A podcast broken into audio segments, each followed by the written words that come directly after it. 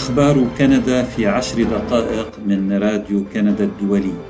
معكم فادي الهاروني وأهلا بكم في حلقة البودكاست الأسبوعية وإليكم العناوين. ترودو يتهم الصين بممارسة ألعاب عدوانية ضد كندا. التغيرات المناخية تكلف الاقتصاد الكندي أكثر من 20 مليار دولار سنويا. وشبح الإنفلونزا يلوح في أفق كندا والحكومة تحث المواطنين على تناول اللقاح. التفاصيل من راديو كندا الدولي. قال رئيس الحكومة الكندية جوستن ترودو إن الصين تمارس ألعابا عدوانية بحق الديمقراطيات والمؤسسات الكندية. وجاء كلامه يوم الاثنين بعد نشر شبكة جلوبال نيوز الكندية تقريرا عن تدخل أجنبي خلال انتخابات جرت في كندا. وتحدثت هذه الشبكة الإخبارية الخاصة عن تمويل شبكة سرية من المرشحين في انتخابات جرت مؤخرا. وجاء كلام ترودو أيضا بعد أيام من إعلان السلطات الكندية فتح تحقيق حول مراكز غير قانونية للشرطة الصينية في منطقة تورونتو الكبرى أكبر تجمع حضري في كندا. لسوء الحظ نرى دولا وجهات حكومية من جميع أنحاء العالم سواء كانت الصين أو سواها تواصل الانخراط في ألعاب عدوانية مع مؤسساتنا وديمقراطياتنا قال ترودو. سنواصل الاستثمار في مجال مكافحة التدخل الانتخابي مكافحة التدخل الأجنبي في ديمقراطياتنا ومؤسساتنا أضاف ترودو. وفي بكين رد جاو ليجيان أحد المتحدثين باسم وزارة الخارجية الصينية رد قائلا إن العلاقات بين الدول لا يمكن أن تبنى إلا على أساس الاحترام المتبادل والمساواة والمنفعة المتبادلة وأن العلاقات الصينية الكندية ليست استثناءً. يجب أن تتوقف كندا عن قول كلام يضر بالعلاقات الصينية الكندية. الصين ليست مهتمة بشؤون كندا الداخلية، أضاف جاو في مؤتمر صحفي دوري. ونقلا عن مصادر لم تذكرها بالاسم، كشفت جلوبال نيوز أن مسؤولين في مجال الاستخبارات أبلغوا حكومة ترودو أن الصين تسعى للتأثير على العملية الديمقراطية الكندية. ودوما حسب جلوبال نيوز حولت الصين أموالا بواسطة شخصية برلمانية وأشخاص آخرين إلى أحد عشر مرشحا على الأقل في الانتخابات الفيدرالية. وأيضا إلى عملاء صينيين يعملون لصالح حملاتهم الانتخابية. ويوم أمس قالت وزيرة الخارجية الكندية ميلاني جولي إن وزن الصين الديموغرافي ونفوذها يجعلان التعاون معها ضروريا لمواجهة التحديات العالمية كالتغيرات المناخية.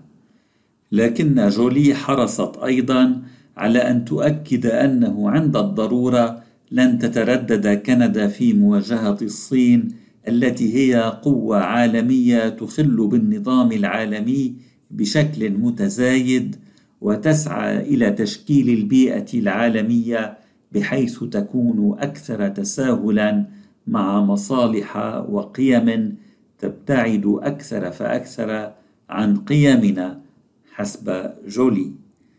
ووعدت الوزيرة بمواصلة الدفاع عن حقوق الإنسان في الصين حيث توثق بشكل جيد ادعاءات ذات مصداقية عن انتهاكات وجرائم ضد الانسانيه وبمواصلة الاعتراض على إجراءات أحادية تعرض الوضع الراهن لتايوان للخطر وأيضا بمواصلة الدفاع عن حرية التعبير في هونغ كونغ.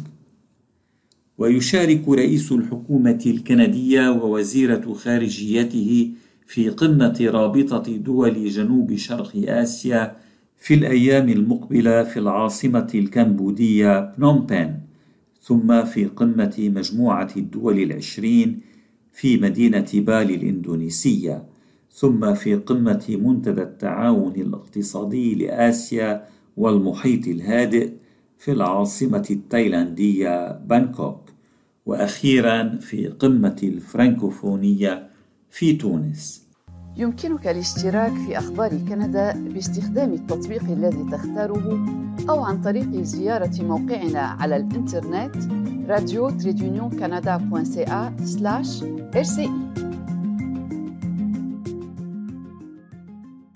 قال المدير البرلماني للميزانية الفيدرالية إيف جيرو إن تغير المناخ يضر بالاقتصاد الكندي.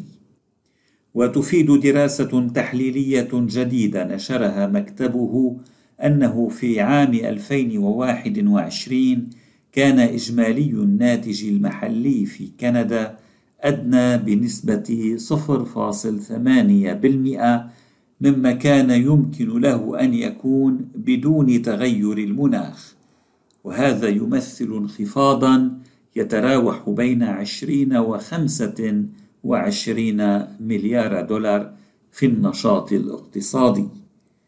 وهذا التراجع في إجمالي الناتج المحلي الحقيقي مرتبط بعوامل مثل انخفاض الإنتاج الزراعي وزيادة استهلاك الطاقة والأضرار المادية وقيود الإنتاجية الناجمة عن الحرارة الشديدة أو عن الإغلاق القسري لبعض الصناعات بسبب الظروف الجوية.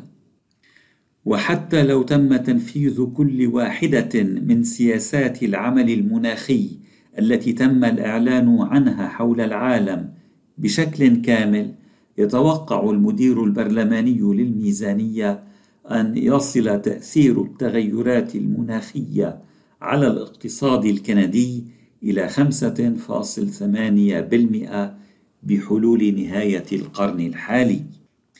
وفي سياق متصل يشارك وزير البيئة والتغيرات المناخية الفيدرالي ستيفن جيلبو يشارك هذا الأسبوع على رأس وفد كندي في أعمال مؤتمر الأمم المتحدة المعني بتغير المناخ. المعروف أيضا باسم كوب 27 في شرم الشيخ في مصر.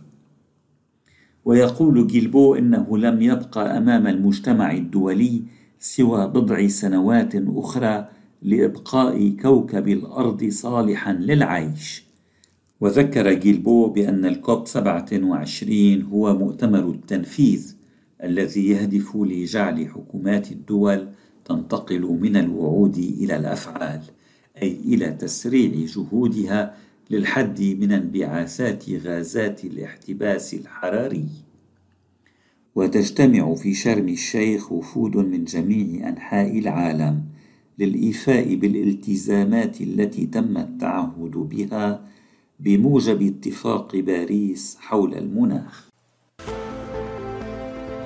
أنت تستمع إلى البودكاست الأسبوعي من راديو كندا الدولي. حثت الحكومة الفيدرالية الكنديين على تناول اللقاح المضاد للإنفلونزا. وأعطى رئيس الحكومة جوستان ترودو المثال يوم أمس بتناوله لقاحين أحدهما مضاد للإنفلونزا والآخر مضاد للكوفيد 19 وشجع الأهالي على تطعيم أولادهم. على الصعيد الوطني يسجل نشاط الإنفلونزا ارتفاعا كبيرا وقد تجاوز العتبة الموسمية البالغة خمسة بالمئة من حالات إيجابية وإذا ظل معدل الإيجابية أعلى من هذا المستوى الأسبوع المقبل سيعلن عن بداية تفشي وباء الإنفلونزا قالت المسؤولة العليا عن الصحة العامة في كندا الدكتورة تيريزا تام وتفيد بيانات وكالة الصحة العامة أن أكثر من نصف حالات الإنفلونزا المكتشفة منذ بداية أيلول سبتمبر الفائت سجلت في أوساط الأطفال والمراهقين. حلقة البودكاست لهذا الأسبوع انتهت، شكرا لإصغائكم.